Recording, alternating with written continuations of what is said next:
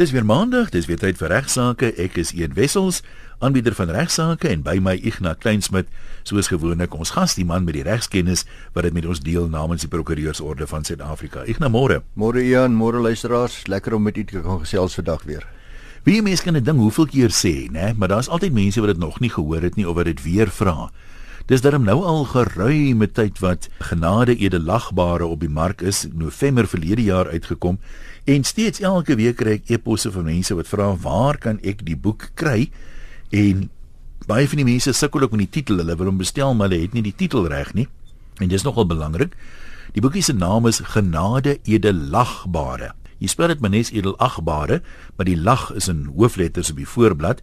En dis 'n samestelling van uh, luisteraars se stories uit die regswêreld, maar jy hoef geen regsagtergrond te hê nie. Dis nog 'n vraag wat ek gereeld kry om lekker saam te lag daaroor nie. Dis baie baie toeganklik. Daar's nie tegniese tipe van kwessies in die partymal kry mos iets net die advokate sal weet waaroor dit gaan en so aan. Hierdie boekie is nie so nie. En ek nou al 'n hele paar drukke beleef. Daar's nou uh, voorraad redelik gereedelik beskikbaar by toonaangewende boekwinkels, maar ek weet ongelukkig nie of die boekwinkel naby jou 'n kopie sal hê nie, want dit kom en gaan mos nou maar. Maar ek weet die groot groepe boekwinkels, Exclusive Books, Bargain Books en C&A het reël wat van die boeke bestel, so die kans is baie goed dat jy dit daar kan kry. As jy dit nie daar kry nie, dan kan jy dit bestel by Lapa Uitgewers. Hulle gee die boek uit saam met RSG en die adres webadres is lapa.co.za. Klik daar op nuwe fiksie en die boek val onder algemene nuwe fiksie. Jy kan ook 'n CD wat ek gelees het met 'n keur van die stories uit die boek daar koop of jy kan vir Lapa bel by Pretoria, dis 0124010700 en so 'n boek bestel, dan moet natuurlik posgeld bykom. Sê net maar jy wil 'n boekie hê wat spesiaal met 'n boodskapie vir iemand in, dan kan jy my persoonlik kontak. Ek moet ook maar die boeke koop, maar ek verkoop dan nou weer die boeke ten minste. En ek het nou 'n koerier uh, teëgekom wat enige plek in Suid-Afrika aflewer, so al bly jy nou ver en jy's nie naby 'n boekwinkel nie vir R299 met die koeriergeld ingesluit kan ek dan 'n getekende kopie by jou kry. Kontak my vanaf my webwerf www.eenwessels.com of per e-pos een@rsg.co.za.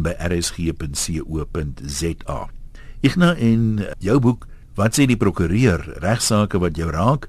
Die is ook weer in voorraad. Ek het 'n hele paar kopieë van hom gesien praktiese regsraad met 'n paar voorbeelde van ooreenkomste en so aan. Waar kan ons hom in die hande kry? Ja, een ook by die boekwinkels wat jy genoem het, al die bekende boekwinkels naby aan u, maar as jy hom nie daar kan kry nie en hulle kan hom nie vir u bestel nie, of wil hom nie bestel nie, kan jy gerus die woord prokureur SMS met jou naam en adres, die woord prokureur met jou naam en afdelingsadres na 078 648 616. Dit is na Lady 078 6488616 net daai nommer en die woord die woord prokureur daarin SMS. Daar's 'n watse regsaake gaan ons vandag bespreek. Ons het 'n e-pos van 'n anonieme luisteraar ontvang en sy sê vanoggend is daar kortliks na trust verwys. Dis nou na aanleiding van 'n vorige program. En my vraag gaan juis hieroor. Indien 'n vader in sy testament bepaal dat 'n familietrust vir sy kinders geskep word na sy afsterwe en sekere eiendomme na die trust oorgedra moet word, dis in 'n geval is dit huise en woonstelle, A. Gaan die eiendomme met 'n endorsement oorgedra word na die trust of met 'n gewone oordrag? B en dis 'n belangrike deel van haar vraag, is daar sprake van kapitaalwinsbelasting? Dis al gawe sê sy is dit net kortliks genoem kan word op RSG, maar lyk my daar's nog heelwat verwarring oor hierdie saake. Nou ek het vir Volker Kreer daar van van Vellen Duffy gevra vir my uh die vraag te beantwoord en hy antwoord is volg. Hy sê wat die eerste vraag aanbetref, is dit inderdaad sodat die eiendom met die aanbring van 'n endorsement op die titelakte oorgedra kan word in plaas van 'n gewone oordrag. Het dit koste implikasies? Nee, die proses is baie goedkoper. Uh daar's 'n kostevoordeel is wat jy het as jy 'n bate aan 'n testamentêre trust laat vererf. Terloops ook daar's geen hereregte betaalbaar by die oordrag van 'n onroerende eiendom uit 'n bestorwe boedel aan 'n erfgenaam nie. So daar's redelike koste voordele en dis eintlik dink ek die groot ding wat sy hierso wou graag weet. Tweedens uh wat die ander vraag betref is bates wat na testamentêre trust vererf wel in beginsel vatbaar vir kapitaalwinsbelasting. Daar's geen algemene vrystelling ter sprake soos waar die langslewende gade byvoorbeeld bates sou erf. Dan is daar geen uh, eh, KWB betaalbaar nie al is die langslewende begunstigde van die testamentêre trust. Nou die jaarlikse vrystellingsbedrag op die natuurlike persone van toepassing word daarom verhoog na R300 000. Dis nou bates wat na 'n testamentêre trust vererf, dan is daar 'n vrystelling van 300 000 rand. Dit geld ten opsigte van al die bates in die boedel wat vir kapitaalwinsbelasting vatbaar is. Dit wil sê die boedel hoef slegs kapitaalwinsbelasting te betaal dien die kapitaalewins van al die relevante boedelbates meer as 300 000 rand is. Dit sluit dan in die bates wat na testamentêre trust vererf. Dan uh, verder ook belangrik vir hierdie luisteraar, alhoewel as jy dit nie vra nie, dat die vrystelling geld ook ten opsigte van primêre wonings geld ook by boedels. Primêre wonings is die een waarin jy by waar jy woon, een waar jy normaalweg woon. En daarvolgens is 'n kapitaalewins van tot 2 miljoen rand op die primêre woning van uh die oorledene vrygestel. So as die primêre woning nou dan die testamentêre trust vererf dan geld die vrystelling ook. Ek hoop dit help die anonieme luisteraar. Dan het ons 'n uh, vraag gekry oor 'n tweedehandse motor. Ons kry talle vrae. Inteendeel, ek dink al hulle litigasieprokureurs sal kan bevestig dat verreweg die meeste probleme wat kliënte het, handel met tweedehandse goedere en veral tweedehandse motors. Nou Tonken Kluisie prokureurs het aan my 'n nuusbrief gestuur waarin daar 'n uitstekende artikel is oor wat jy te doen staan as jou tweedehandse, ek wil amper sê jou nuwe tweedehandse motor kat in die sak is en ek gaan vir jou daaruit aanhaal. Uh ek dink dit is pragtig netjies opgesom. Uh en hulle begin met 'n kliënt wat 'n vraag vra. Hy sê ek het so 3 maande gelede by 'n handelaar 'n tweedehandse motor gekoop. In die laaste week het die engine 'n aardige geluid begin maak. Toe ek 'n motorwerker kundige gevra om te kyk, het hy gesê die engine is in 'n slegte toestand en sal oorgedoen moet word, maar dit sal baie duur wees. Die handelaar het niks gesê van die engine se se swak toestand nie, maar aangesien dit 'n tweedehandse motor is, is ek nie seker of ek dit kan terugneem en of ek by die handelaar moet inspann om dit maar te herstel nie. Nou uh, hulle antwoord is volg hulle sê omdat jy 'n motor by 'n tweedehandse motorhandelaar gekoop het, beteken dit dat die wette verbruikersbeskerming van 2008 wel van toepassing is op jou transaksie. Belangrik is dat 'n tweedehandse motor binne die definisie van goedere in die verbruikerswet val en dit is ook onderhewig is aan die aan hierdie betrokke wet se beskerming teen foutiewe goedere. Want om tweedehandse goedere uit te sluit van die wet sal juis verbruikers wat dit die nodigste het van beskerming ontneem. Uh nou watse beskerming bied hierdie verbruikersbeskermingswet? Uh dit bied 'n outomatiese waarborg dat die gekoopte goedere moet voldoen aan die volgende vereistes. En dis belangrik om die mooi kennis daarvan te neem. Dis nou in terme van die wet, dit moet veilig wees, dis 'n tweedehandse goedere, veilig, van goeie kwaliteit, in goeie werkende toestand en sonder enige gebreke. Tweedens redelik geskik wees vir die doel waarvoor dit oor die algemeen beoog is. En derdens vir 'n redelike tydperk. Ons praat hier nou onthou hierdie luisteraar praat van 3 maande nê wat die kar begin moeilikheid gee en oor die muur is eintlik. Dit moet vir 'n redelike tydperk bruikbaar wees en duursaam wees vir die doel waarvoor dit normaalweg gebruik sou word. En dan gaan die wet verder en sê sou die gekoopte goedere na die bogenoemde vereistes voldoen binne 6 maande na aankoop of aflewering van sodanige goedere, het jy die reg om terug te neem en aan te dring op een van die volgende 3 remedies. So as dit binne 6 maande in die eerste 6 maande die werste nie voldoen aan een van hierdie vereistes nie, dan kan jy die volgende remedies uitoefen. Eerste een is jy kan vra vir herstel daarvan. Natuurlik gratis, dan om om te voldoen aan die vereistes of tweedens jy kan vir die vervanging daarvan vra. Of derdens, jy kan 'n volledige terugbetaling van die koopprys eis. Nou hierdie goed klink vreeslik drakonies en maar dit is min mense besef dat dit is vir die nuwe wet vir ons nou deesdae doen. Net net 'n vraag daaroor as jy nou die volledige koopsom terugvra. Al het jy nou kom ons sê 20000 km by die motor uh met die motor gery in die eerste 3-4 maande en sy markwaarde dit nou afgeneem as gevolg daarvan, jy kan terugkry wat jy betaal het. Ja, ja, dit is so. Uh, nou onthou die algemeen dan sou 'n verbruiker nou verkies om die foutiewe goedere te laat vervang of die koopprys terug te vra, die volle koopprys as jy nou noem. Dan moet die verskaffer daaraan gehoor gee en kan dan nie die verbruiker dwing om eerder die goedere te laat herstel nie. Want dis natuurlik wat hulle probeer doen. Hulle sal sê, "Wag, ek gaan eers herstel." Nee meneer, ek gaan dit herstel. Jy moenie bekommerd wees nie, maar jy die keuse. Dis 'n of of of. En die keuse is nie die verskaffers se nie, die keuse is die verbruikers se nie. Ja, met ekskuus ek vra net baie vrae met 'n tweedehandse motor, dit as jy nou wil hê jy moet ver, dit moet vervang word. Dis nie altyd maklik om 'n soortgelyke model met soortgelyke kilometers en ekstras en al die goed in die hande te kry met met te vervang. Ja, dis 'n vraag wat my van geval tot geval gaan afhang, dit moet dan feitelik dieselfde wees. Dit sal nooit presies dieselfde uit die aard van die saak wees nie. dan ook dis belangrik ook om onthou luisteraars dat die goedere daarmee 'n wesenlike gebrek moet hê om vir een van hierdie remedies te kwalifiseer. Jy kan nie vir elke dingetjie wat verkeerd loop, die gewone goed wat 'n normale loop van sake. Dit moet 'n wesenlike gebrek wees. Die wet sal van toepassing wees ongeag die verskaffer se terugbetalingsbeleid tensy die terugbetalingsbeleid meer gunstig is vir die vir die verbruiker. Nou wat ek hiermee sê, die verskaffer is ook aanspreeklik om die kostes van effektiewe goedere te herstel. So hy gaan ook nou kyk wat is die mees voordelige hierso. Maar normaalweg sal dit baie meer voordelig vir jou as verbruiker wees sê gee vir my terug. In die geval van tweedehandse goedere is daar uitsonderings op die reëls rakende terugbetalings, naamlik dat hulle nie van toepassing is uh, as die verbruiker pertinent ingelig is van die spesifieke gebreke nie. Onthou hier praat ons nou van jy's onskuldig. Jy's nooit gesê hiervan nie. En jy kon dit jy kon dit nie duidelik gesien het byvoorbeeld nie. In daai geval sal die verbruikers uh, as hy permanent ingelig is van die betrokke goedere en hy steeds ingestem het om dit maar in daai toestand te vat. Dan het ek koop 'n karretjie vir R500 byvoorbeeld. Dis 'n wrak. Blaas staan nie. Almal kan sien dit is 'n wrak. Ek kan mos nou nie verwag hy moet herstel word daarna of teruggegee word of wat ek nogal nie. Hoe pas die voetstootsklausule hierby? Wel dis alles gaan handel maar hier met die voetstoots. Die voetstootsklausule is met ander woorde nie van toepassing waar 'n handelaar aan 'n gewone verbruiker 'n tweedehandse item verkoop nie. Goed voetstootsklausule geld glad nie. Okay. Uh hy's uitgesluit deur die wet. Uh in jou geval, in hierdie luisteraar se geval is dit realisties om te aanvaar dat die standaard en toestand vir 'n nuwe motor sal verskil van die vir 'n tweedehandse motor. Dat dit nie altyd vir 'n tweedehandse motorhandelaar moontlik is om presies te sê hoeveel slytasie daar aan die nuwe motor uit te wys is nie. As mens dit nou sê dan behoort 'n tweedehandse handelaar weens die aard van sy besigheid tog in 'n posisie te wees om gebreke aan hom bekend dis aan hom bekend sowel as groter ooglopende gebreke dit moet uitgewys word sou enige gebreke anders as die wat gelys is en aanvaar is deur die verbruiker binne 6 maande dan ontstaan soos in hierdie luisteraar se geval waarskynlik is sal jy die reg hê om aan te dring op een van daai drie remedies as die toestand van die engine aan jou bekend gemaak is as dan is dit natuurlik anders. As dit nie aan jou bekend gemaak is nie, kan 'n mens redeneer dat die noodsaaklikheid om die engine oor te doen wesentlik van aard is en dis nie die beskerming en remedies van die uh, van die wet verleen.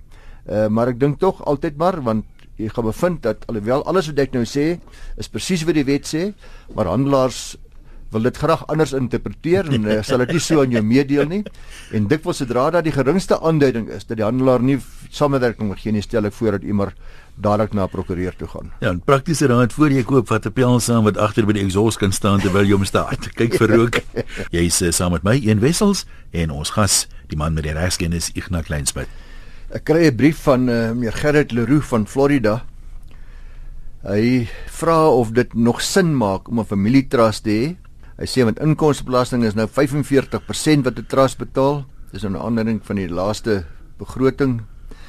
En dis uh, is dit van rand 1 af. Jy hoef nie eers 1.5 miljoen ja, ja, te ja, verdien soos 'n individu van rand 1 af. En jy sê jy kan nie meer rentevrye lenings maak nie en dan eindig hy praat hy maak 'n paar ander opmerkings maar hy eindig interessant af as jy nou wat van al die boggers nou wat so entoesiasties al die al die jare familietrust aanbeveel het. Nou nou luisteraars is waar wat hy sê dat van die 1 Maart af 2017 word trust belas teen 45%. Dis nou van die eerste rand af soos jy gesê het. Die kapitaalwinsbelasting by trust is 36%. Nou jy weet ek en jy die die die rykste die ek en jy nie die ander ryk mense. Ryk mense betaal in persoon dan. betaal 45% ja. uh, die meeste belasting wat hulle betaal maar dit begin by 18% soos jy weet is die individuele belastingkoerse van van ons almal van my en van jou in my geval 18% en in jou geval 45% van die marginale koers. Maar hierdie 45% tree eers in na 'n bedrag van 1,5 miljoen rand inkomste En nou is ook 'n area waar jy 0% betaal voordat die 18 uh, intree nie waar nie. Korrek ja. vir die nou, laer inkomste groep. Korrek ja. Uh die individuele vrystellings byvoorbeeld van waar jy 18% begin betaal, toeloops die KWB is ook dan net tussen 0 en 18%. Dan ons gesê by die trust is dit 45% belasting en 36% eh, KWB. So by individue is dit tussen 0 en 18% en daai 18% wat ek nou nog gesê het waar jy begin belasting betaal, die individuele vrystellings is daar ook wat rente betref dramatiese vrystellings. Dis byvoorbeeld R23800 vir diegene onder 65 jaar oud en R34500 vir diegene ouer as 65. kapitaalwins uh, van 40000 rand per jaar. Nou net 40% van die kapitaalwins word in berekening gebring. Maar by trust word 80% van die kapitaalwins in berekening gebring. So dis baie duidelik dat meneer Leroux reg. Daar's met elke begroting, veral die laaste begrotinge, duidelike aanduidings dat die belastingkoerse van trust dit al hoe meer onaantreklik begin maak. En die boggers wat hy van praat wat so baie familietrust aanbeveel het, kon dit natuurlik nie altyd voorsien het nie. Daar was 'n tyd toe trust uit die baie voordelig was. Ja, mens moet dan ook sê jy kan net regsadvies gee op grond van die huidige reg. Soms weet 'n mens iets gaan binnekort verander. Maar ja. uh, jy dis baie moeilik om te spekuleer as jy nou wil regsekerheid hê oor wat in die toekoms gaan gebeur. Ja, maar ek het 'n sakerapport byvoorbeeld gekyk altyd wat uh, sê Nico van Geysen wat is sy raad oor hierdie dinge en hy het byvoorbeeld gesê as 'n boedelbeplanningsmeganisme sien hy steeds waarde in 'n trust, maar hy sal tog mense aanraai om 'n werklike trustkundiges en dit sê ek altyd, dit is so waar by hulle beplanning te betrek, want nie almal wat trust oprig weet regtig wat hulle doen nie. Dis daar's geen twyfel aan nie. Ek het dit duisend keer al gesien want ek kry ook talle trust aktes wat duidelik is dat of die persoon het hoegenaamd nie 'n trust nodig gehad nie of die trust akte se opsteller uh, het regtig nie 'n idee van wat hy of sy gedoen het nie. So krye krye behoorlike kundige om hier by te staan. Maar wat Leroux hier meer van praat dink ek ons luisteraar gaan meer oor 'n trust as 'n beleggingsvoertuig. En as 'n beleggingsvoertuig het dit regtig nie meer soveel waarde, beperkte waarde maar as jy vir jou naasbestaanes wil sorg, dit sê Nico van Geysen ook, net om bates uit jou boedel uit te wil hou en om boedelbelasting te vermy, is dit nou minder sinvol as wat dit voorheen was. So met die nuwe artikel 7C van die inkomstebelastingwet sê meneer uh, Leroux heeltemal reg as rentevrye lenings aan trust nou nie meer aanvaarbaar nie. Uh jy gaan selfbelasting daarop betaal as jy dit sou wou doen asof dit in die marginale koers is as jy dit nie wil as jy dit nie eis nie. Uh, of jy dit eis of nie skenkebelasting gaan daarop betaal word op dit wat jy nie eis nie. So dit is kortweg 'n probleem. So alles wat jy eis wat jy rentevry aan aan die trust leen gaan jy belasting op betaal op daai rente asof dit asof dit rente gedra het dit gaan as 'n skenking beskou word waarop jy belas gaan so dan moet mens natuurlik besef die trust kan jaarliks groei en die kapitaalwins uitkeer aan begunstigdes wat dan in hulle eie naam as individue daar belas. Dis 'n baie groot voordeel. Dis nou vir kinders, kleinkinders, wie ook nogal wat begunstigdes is van die trust en dit is nog altyd 'n voordeel omdat daardie begunstigdes dikwels op 'n baie laer koers is 45% dan aangeslaan word. Hy wys ook daarop meneer van Geysen dat trustgeld kan belê word in 'n polis wat in die sogenaamde beleggingspolis wat in die polishouersfonds belas word teen 30% op die inkomste en 12% KWB. Daar's 'n belangrike ding om na te let, dis 5 jaar termyn, maar weer eens, hierdie moet jy gaan na 'n kundige om daar te adviseer. Jy kyk na jou situasie en kyk of so beleggingspool is regtig in jou situasie uh, vir jou van voordele hê en mens moet ook maar baie mooi kyk vir al die kommissie van die versekeraar en die hoë vooruitbetaalde kostes wat op sulke polisse soms geheg word. So meneer Leroux, ja, vir sommige mense gaan 'n trust nog voordelig wees, maar nie vir almal nie. Dit was nog altyd so, maar dit is sonder twyfel so dat dit vir al hoe minder en minder mense voordelig is om die trustpaadjie te loop. So weer eens met die mens maar 'n ingeligte besluit neem. Baie keer neem mense 'n vinnige besluit, maar dit is maar die moeite werd om huiswerk te doen, al die inligting in te win en kundiges te raadpleeg. Ja, en eh, ag een en ek weet ek sê baie keer so en ek wil nie mense te nakom nie, maar elke tweede Jan Rappen se maat noem hom soms 'n makelaar en hy's nou 'n beleggingsadviseur en hy's 'n rykdomskepper en 'n welvaartskepper ensovoorts. En daar's van hulle wat uitstekend is maar maak maar seker van die reputasie van die persoon wat u wil nader voordat u 'n kundige gaan sien en die beste is. Gaan na u prokureur toe. As u prokureur nie self 'n uh, kundige is nie sal hy weet wie in u omgewing is die ware kundiges. As ek dit nie mis het nie in die finansiële dienste bedryf oor die algemeen het daar in die laaste kom ons sê 10 jaar of wat is daar heelwat ingegryp eksamens wat mense moet ja. deurkom moet registreer, ja. bewys van hulle kundigheid lewer. So dis baie meer gereguleer nou as wat dit sê maar 30 jaar gelede was. Dis sonder twyfel so dat uh, die die staat het besef dat daar is 'n klomp mense wat mense mislei en met verbruikerde beskerming is die regulering dramaties verbeter. En dis waarom mense ook moet seker maak of die betrokke persoon wat jou van advies wil bedien, of hy behoorlik geregistreer is by die by die betrokke rade wat uh, registrasie hanteer. Ek dink ons kan nog eene inpas in uh, hierdie helfte. Ek het 'n e-pos ook ontvang van Isabella Swart oor voorwaardelike bemakings en testamente. Sy skryf soos volg: Sy sê: "Dag sê Ignas, kan begunstigdes toestem om 'n trust nie te stig en in plaas daarvan die bedrae te verdeel." Dis nog 'n oudelike vraag wat ek nog nie voorheen gekry het nie. So daar's 'n daar's 'n boedel. Die boedel sê daar word 'n trust gestig vir die versekerde mense wat daaruit bevoordeel moet word. Nou kom jy begunstigdes hulle sê maar ons wil nie 'n trust hê, kom ons verdeel liewer die geld. Vra kan dit gebeur? En sy sê as daar 'n bepaling in die testament is en ek lei af, daar is in haar geval is dit 'n werklikheid, dis 'n mm -hmm. dis 'n praktiese werklikheid. As daar 'n bepaling in die testament is dat die erfgenaam 5 jaar in die huis moet bly voordat verkoop word, is dit bindend vra sy? ook dat die huiswerker daar kan bly vir 5 jaar, dis wat die testament sê. So 'n bepaling in die, in die testament sê hierdie erfgenaam kan 5 jaar in die huis bly voordat dit verkoop moet word. Uh vir voordat verkoop kan word en die huiswerker kan ook daar bly. Terwyl die erfgenaam nie klaar kom met die huiswerker nie, sê sy, daar's groot spanning tussen die twee. Nou as uitgangspunt en ek het ook hier vir Volker Kreer, die spesialis daarby van Vel en Duffy gevra om my op saam te wees. As uitgangspunt kan 'n erflater enige voorwaarde aan 'n bemaking of 'n vererwing koppel, soos al by herhaling gesê solank dit nie teen die openbare belang is of teen die grondwet indruis nie. 'n Erflater kan dus byvoorbeeld sy plaas aan sy seun laat vererf met die voorwaarde dat die seun moet eers 2 miljoen rand aan elke dogter betaal, 'n bemakingsprys aan die dogters betaal, of hy kan sy huis aan sy kinders laat onderhewig aan lewenslange vruggebruik van die ma wat baie dikwels gebeur. Uh of 'n erflater kan besluit uh, dat sy huis nie vererf met die voorwaarde dat die erfgenaam twee onwettige immigrante vermoor nie. Aan die ander woorde, jy sê jy my seun jy gaan die huis erf, maar jy moet eers net twee onwettige immigrante vir ons gaan uithaal voor jy die huis van ons jy kan. Ja, daai soort van ding. Nou uh, die voorwaardes waarna Isabella verwys blyk mensens siens nie ongrondwettig of teen die openbare belang te wees nie. Hulle is dis 'n beginsel afdwingbaar dis die voorwaarde van my huiswerker moet 5 jaar kan 5 jaar daar bly as hy wil in die huis voordat dit werklik aan die erfgenaam toe gaan. Of die ander jy moet 5 jaar in die huis bly voor jy dit erf anders erf jy dit nie.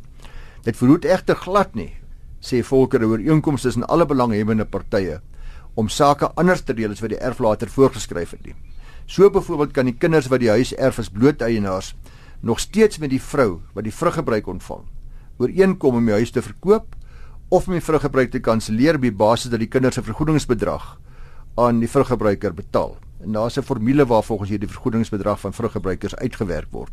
Maar laat ek die vrae nou spesifiek beantwoord. Die eerste vraag kan begunstigdes toestem om 'n trust nie te stig in plaas daarvan te verdeel. Dit sou afhang van die bepalinge van die trustakte en die testament. Die trustakte behoort die bevoegdhede en diskresies van die trustees voor te skryf. Nou as hy so bewoord is dat dit 'n afleiding regverdig dat die trustees ook kan ooreenkom om die trust om die trust glad nie te stig nie of byvoorbeeld om die trust te enige tyd te beëindig dan word dit mos nou al belaglik. Aan die ander word ek kan sê ja, ek skep die trust en ek beëindig hom onmiddellik. Wat maar net weer 'n verdeling sal beteken aan al die hmm. begunstigdes. Dan sou dit inderdaad moontlik wees vir hulle om so 'n stap te neem, maar dit is egter baie onwaarskynlik bittermin trust sal sê dat die trustees kan met inkom om die trust nie te stig nie want dit maak net nie sin uit nie. 'n Alternatief sou wees dat die trust akte dalk nie die trustees veroorloof om glad nie 'n trust te stig nie, maar inderdaad om na die stigting van 'n trust te ontbind. Dit soos ek sê is is is 'n meer realistiese moontlikheid.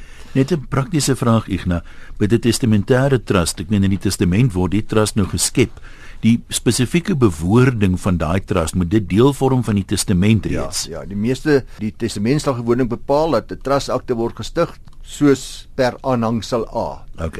En daar word die trust akte as dit nie so is nie. As daar ek het al testamente gesien waar dit net sê dat dit moet 'n testamentêre trust akte gestig word, dan sal jy maar 'n normale trust akte opstel en vir die meester daarna verwys en die meester sal dan die inhoud van daai trust akte vir jou goedkeur. Uh, en dit sal maar gewone standaard wees. Die meeste trust aktes lyk maar baie dieselfde vir hierdie soort van testamentêre trust. 'n uh, Trust akte kan ook altyd gewysig word natuurlik by die beginsel tussen toestemming om dan die ontbinding moontlik te maak indien nodig. So ja, vir Isabella ja moontlik, maar net as dit duidelik uit die bewoording van die testament en die trust akte blyk dat die trust akte nie ten doel gehad het om 'n langtermyn trust akte te wees nie. Die ander wyse onmiddellike ontbinding is moontlik as daar 'n bepaling in die testament is dat die erfgenaam 5 jaar in huis moet bly voor dit verkoop regtig bindend. En ek sê weer eens is is nie teen die openbare belang nie, is ook nie ongrondwettig nie, so ek dink nie dis dis dis 'n probleem nie, self dwingbaar wees. Maar 'n baie goeie praktiese vraag vir Isabella. Ek probeer altyd maar pragmaties wees, prakties wees. Die vraag is wie gaan dit afdwing? Wie gaan kla?